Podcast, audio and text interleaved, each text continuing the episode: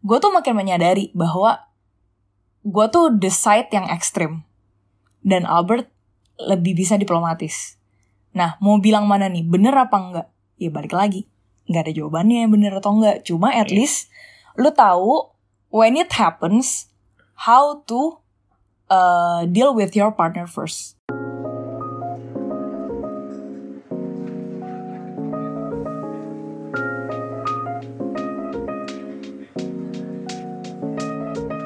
Anyway, kita hari ini mau ngomongin soal anak, walaupun kita sebenarnya adalah pasangan yang memilih untuk child free. Tapi waktu itu kita lagi ngobrol-ngobrolin soal anak karena kita kebayang aja sih kalau misalnya one day kita kepikiran untuk akhirnya punya anak, terus anaknya turn out jadi apa yang kita nggak mau, kita harus gimana ya jadi orang tua? Jadi kan kan ada mungkin yang kurang kelengkapan gitu, kelengkapan mungkin secara fisik atau mungkin sama mentalnya. Atau nantinya kalau misalnya sempurna dalam hal itu, tapi kan bisa aja nanti turn out nggak seperti yang kita mau. Contohnya mungkin seks orientasinya beda sama Hmm. yang kita yang normal gitu, bukan normal ya. Yang pada umumnya Yang dianggap mainstream itu betul yaitu adalah Iya. cowok harus sama cewek, cewek harus sama sama cowok. ya. Atau mungkin definisinya ya. Nah, Mm-mm. tapi kita mau apa tadi kita bahas definisi. kita kita ngebahas kalau misalnya akhirnya nih kita berdua one day kita kayak enakan kebobolan ya udah dong kita mesti move forward Hmm. terus kita harus memikirkan beberapa pertanyaan ini Hmm. gue waktu itu pernah ngebahas serius sama Albert tuh kalau misalnya eh, anak kita lahir ternyata berkekurangan kayak nggak lengkap gitu eh, tubuhnya Hmm. atau misalnya em, ya apa ya disable lah disable in general Hmm. misalnya meng- mengidap autis kayak nah itu kalau misalnya dalam dalam teori dan moralnya kan gampang nih ya ngomongnya tapi saat lu yang menjadi orang tua dan menjalani ini tuh pasti berat gitu Ini gue yakin di dunia ini nggak ada satu orang pun yang benar-benar siap. Nah, kalau yang ini tuh sebenarnya gue pernah baca di Reader's Digest sudah lama banget. Jadi em, dia punya anak, anaknya itu punya Down syndrome.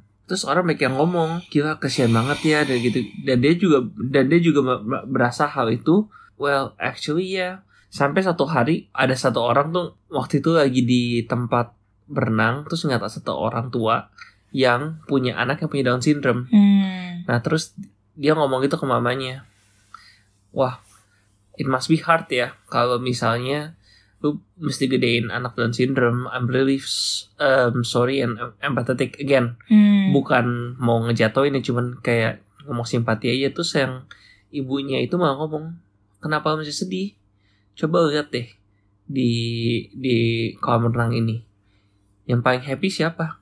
anjir aduh gila gue merinding Iya. denger Heeh. Itu bener sih. Jadi hmm. di- kalau waktu dia ngeliat itu dia main air berenang happy happy aja gitu dan itu di situ dia belajar gitu dan gue juga belajar ada dua sisi sebenarnya Hmm. kenapa dari anak yang Down syndrome itu mungkin again gue nggak pernah posisi itu dan nggak bakal tahu posisi seperti Iya, itu benar-benar. tapi dari anak itu pasti dia seneng dengan kehidupannya karena itu Hmm. that's it gitu dan dari sisi yang lain dari sisi orang tua lu mesti ngeliatnya jangan dari persepsi orang lain bukan dari jangan dari persepsi dari tetangga lu saudara lu yang ngomong sedih ya gitu gitu tapi lu ngatain anak lu sendiri kak. Dan ngatain anak itu well tuh anak happy. Yang penting tuh anak happy dan dia bisa sesuai potensinya.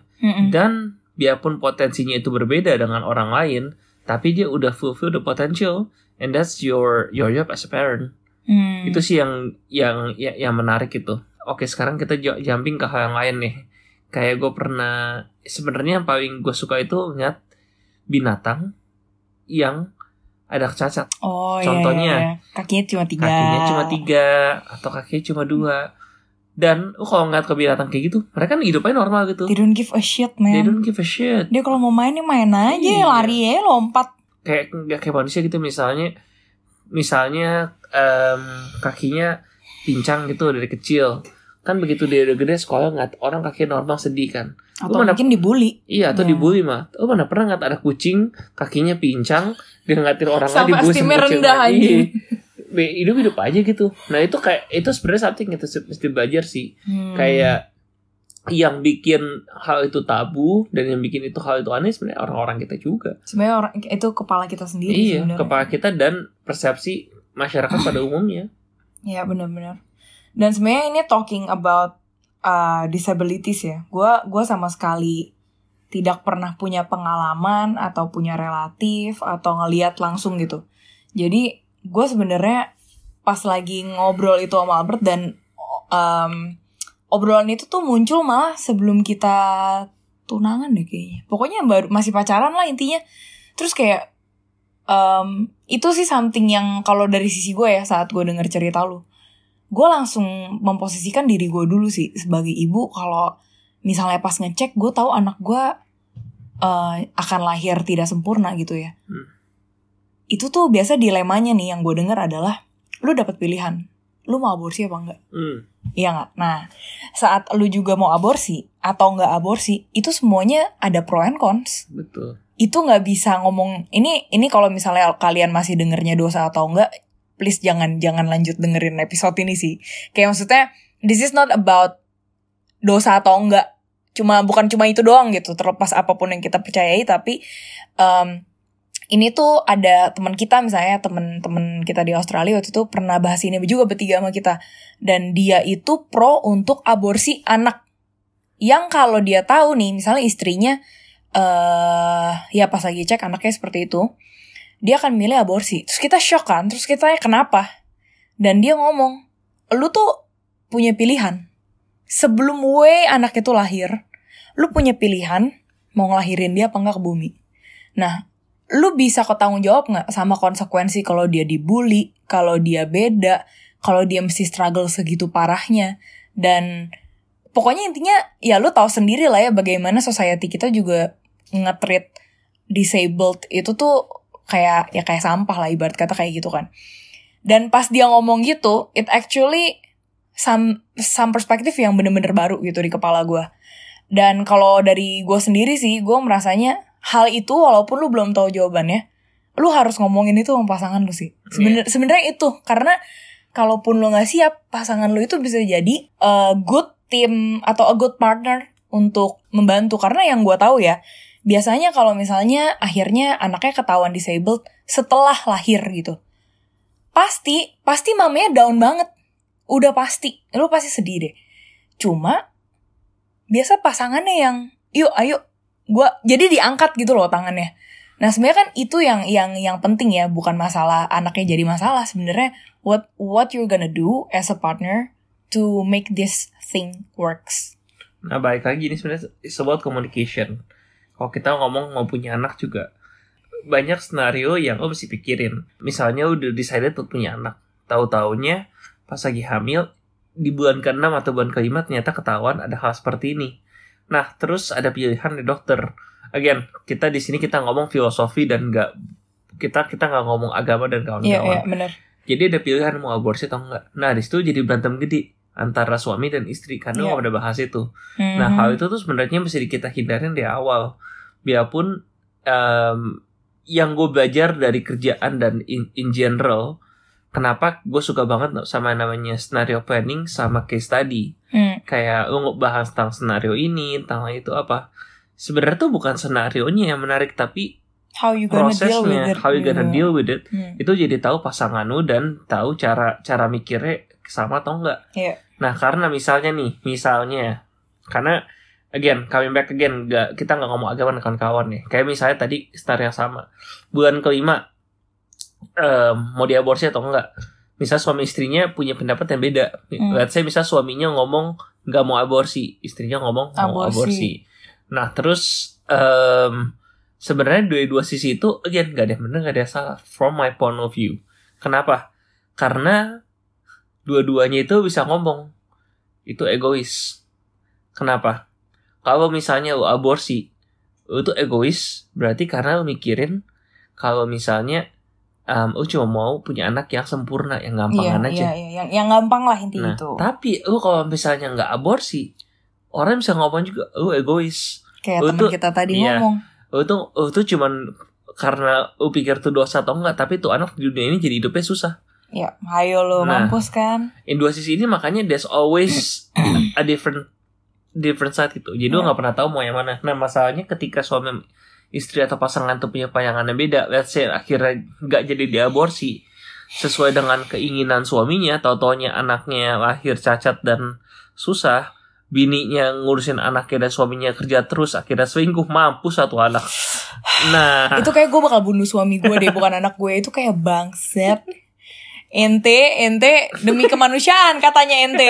Tapi ente ninggalin gua juga brengsek. Nah, itu tuh itu bener-bener case yang Nah, aduh jadi- tai banget iya. sih kalau kejadian gitu tuh tai banget sumpah. Nah, itulah makanya kenapa mesti dibahas dari awal. Nah, itu kan kalau kita ngomongin secara fisik dan itu kan. Nah, sekarang yang paling menarik itu kalau misalnya kita di skenario lagi nih, misalnya anaknya udah sama kita deket gitu. Tahu-taunya anaknya itu suatu hari ngomong, "Mam, kok I'm not attracted to to girls ya?" And then Or like the opposite. iya, Ya. terus tahu-taunya jadi ternyata suka sama suka Sesama. sama samanya. What is your reaction? And you come from a very religious and also uh, conservative Hmm. family. Nah, ini gimana? Nah, ini again, kenapa hal ini dibahas? Dan kita bahas sih Kita sering. bahas karena Iya. em gue pernah ngeliat beberapa hal atau mendengar beberapa hal Hmm. justru kejadiannya sama keluarga yang agak konservatif. Begitu tahu anaknya seperti itu, again, Hmm. agak mirip nih sama kayak tadi kita bahas sebelumnya. Ada dua pilihan kan selalu kan, Iya. menerima atau menolak. Mhm. Dan sebagai orang tua, persis sama juga. Lu dengan, dengan dua sisi seperti itu, ada positif dan negatif juga. Misalnya lu menerima. Berarti lu kayak, let's say lu mengorbankan nilai-nilai value Yang sudah yang, ada. yang, yang, yang lu punya sama ini. Hmm. Tapi, kalau misalnya lu nggak terima, berarti lu egois. Lu nggak mentingin anakku. That's again, setiap hal kayak gini pasti ada dua sisi Hmm. dan em, dan kalau misalnya misalnya nih yang gue tahu misalnya lu terima tuh anak akhirnya lu jadi progresif jadi lu dijauhin sama saudara teman-teman lu misalnya saudara lu. Iya. ibadah ya, kan? Jeng. ih anaknya ternyata suka sesama Ih, kok dia bukannya kayak electric shock anaknya ya? Biarin Iya. karena ini beneran loh kayak beberapa orang yang yang kita tahu like they at that time gitu ya di zaman yang lebih dulu ya mereka diajak sama orang tuanya buat electric therapy, Iya. buat ya gitu dibikin normal tanda kutip. ih itu pasti orang tua itu berdosa tuh makanya ah, The karma goes karma to the begitu. kids. you know tho- those kind of stupid things gitu Iya. Maksudnya yang kita obrolin di sini sebenarnya bukan dosa atau enggak, dosa atau enggak gitu ya, tapi lebih ke why you need to make a lot of uh, yang tadi Albert bilang scenarios atau case study sendiri. Atau ya lu juga mesti kritis juga sih sebagai sebagai pasangan gitu. Kadang-kadang mesti ngomongin ini walaupun lu tahu mungkin plannya lu nggak ada plan kayak gitu kok. Tapi what if keponakan lu yang kayak gitu? Hmm itu kan eh, selalu ada selalu ada momen seperti itu ya kayak misalnya keponakan lu yang yang kayak gitu yang pilihan hidupnya mungkin nggak nggak bisa diterima sama orang tuanya gitu. Hmm. dan you have the the choice misalnya let's say deh sh- shitnya banget anaknya dibuang gitu. Eh, dari dari orang tuanya. Nih anak kan lu mau ngapain nih anak? Intinya itu sebagai relatif sebagai tante atau om lu ada pilihan juga kan? Mau menerima atau nggak walaupun lu bukan orang tuanya. Jadi kata- kadang-kadang tuh em, hal-hal seperti ini penting untuk diobrolin biar lu juga jadi manusia nggak cuma ngejudge sih. Sometimes when it really happens to you then you really think about it. Itu. Dan kalau kalau misalnya dari perspektif gue ya kayak waktu kita rembukan ngobrol kayak gini eh biasa kan gue sama Albert kayak em, brainstorm dulu bareng eh, ini poinnya mau gimana poinnya mau gimana ya? Tapi eh one thing yang gue sadari adalah setiap kali gue ngebahas case-case tadi seperti ini sama Albert gue tuh makin menyadari bahwa gue tuh the side yang ekstrim dan Albert lebih bisa diplomatis. Nah mau bilang mana nih bener apa enggak? Ya balik lagi. Nggak ada jawabannya bener atau enggak. Cuma at Iya. least lu tahu when it happens how to uh, deal with your partner first. Iya. Itu sih kalau kalau gue ya. Jadi maksudnya sialnya nih kita balik lagi ya kayak misalnya kita kebobolan beb. Terus step pertama kan pasti pertanyaan ini mau aborsi atau enggak kan? Even misalnya ini anaknya sempurna. Karena kan gue nggak mau punya anak. Gua kita pernah bahas ini kan. Kamu bilang kamu nggak mau itu aborsi. Kalau gue, gue mau aborsi. It's first itu pilihannya kan it's my body. Tapi kalau Albert it's killing people gitu loh dan kita kita tuh yang nggak bertanggung jawab loh. Masa kita bunuh anaknya? Which is dua-duanya bener kalau lu mau kalau lu mau ambil side itu cuma setelah gua apa ya resapi itu gitu di otak gue gue seenggaknya juga jadi tahu oh oke even misalnya gue aborsi apakah gue bisa live with the guilt Hmm. Itu kan pertanyaan buat gue dong bukan buat pasangan gue. Dan kalau misalnya anak ini lahir pertanyaannya kalau untuk anak ini lahir apakah gue bisa can apakah gue bisa count on my partner? Nah karena jawabannya sepertinya walaupun dua-duanya sama-sama susah ya tapi jawaban yang atau konsekuensi yang lebih baik adalah yang kedua yaitu walaupun ini susah gue tau gue bisa kan gue bisa count on my partner. Gue jadinya decided untuk oke gue bakal lahirin karena ini tuh penting kayak yang lu bilang di awal jangan sampai partner lu nih kelihatannya kayak mau sok baik ngerti gak sih? Ngambil pilihan yang sok baik. Pas lahirnya realitanya nggak ada nol lu ditinggal. Iya. nah jangan sampai kayak gitu. Jadi itu loh intinya kenapa lu tuh harus bener-bener bikin case-case kayak gini sendiri eh bukan sendirian ya pas lagi nyantai aja gitu sama pasangan lu. Karena you can see true colors of your partner sih. Iya. intinya itu. Sama kalau misalnya kayak ngomong sexual orientation ya.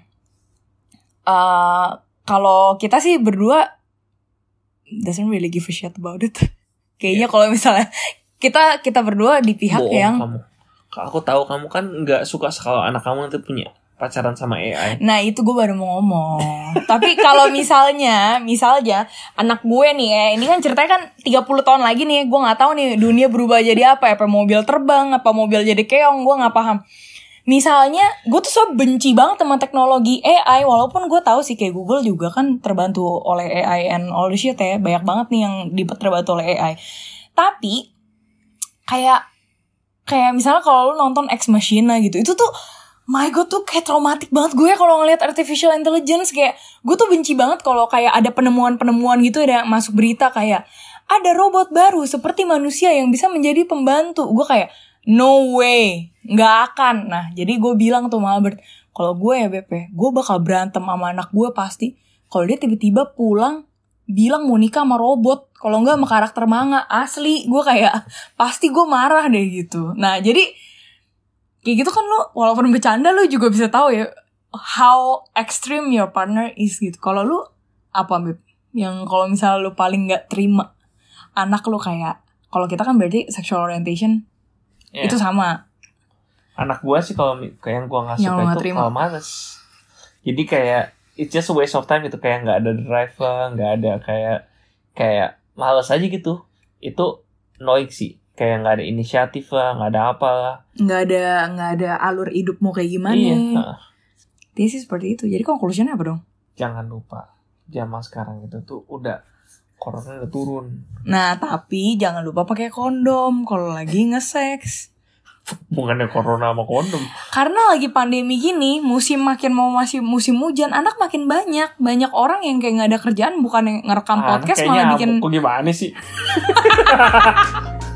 Ya udahlah kalau gitu, ya gitu aja deh ya. Ditendang sama Niko baru. Iya, aku ditendang sama Niko. Jangan gitu dong anak-anak, kamu durhaka. ya udah kalau gitu, stay, Say. bye.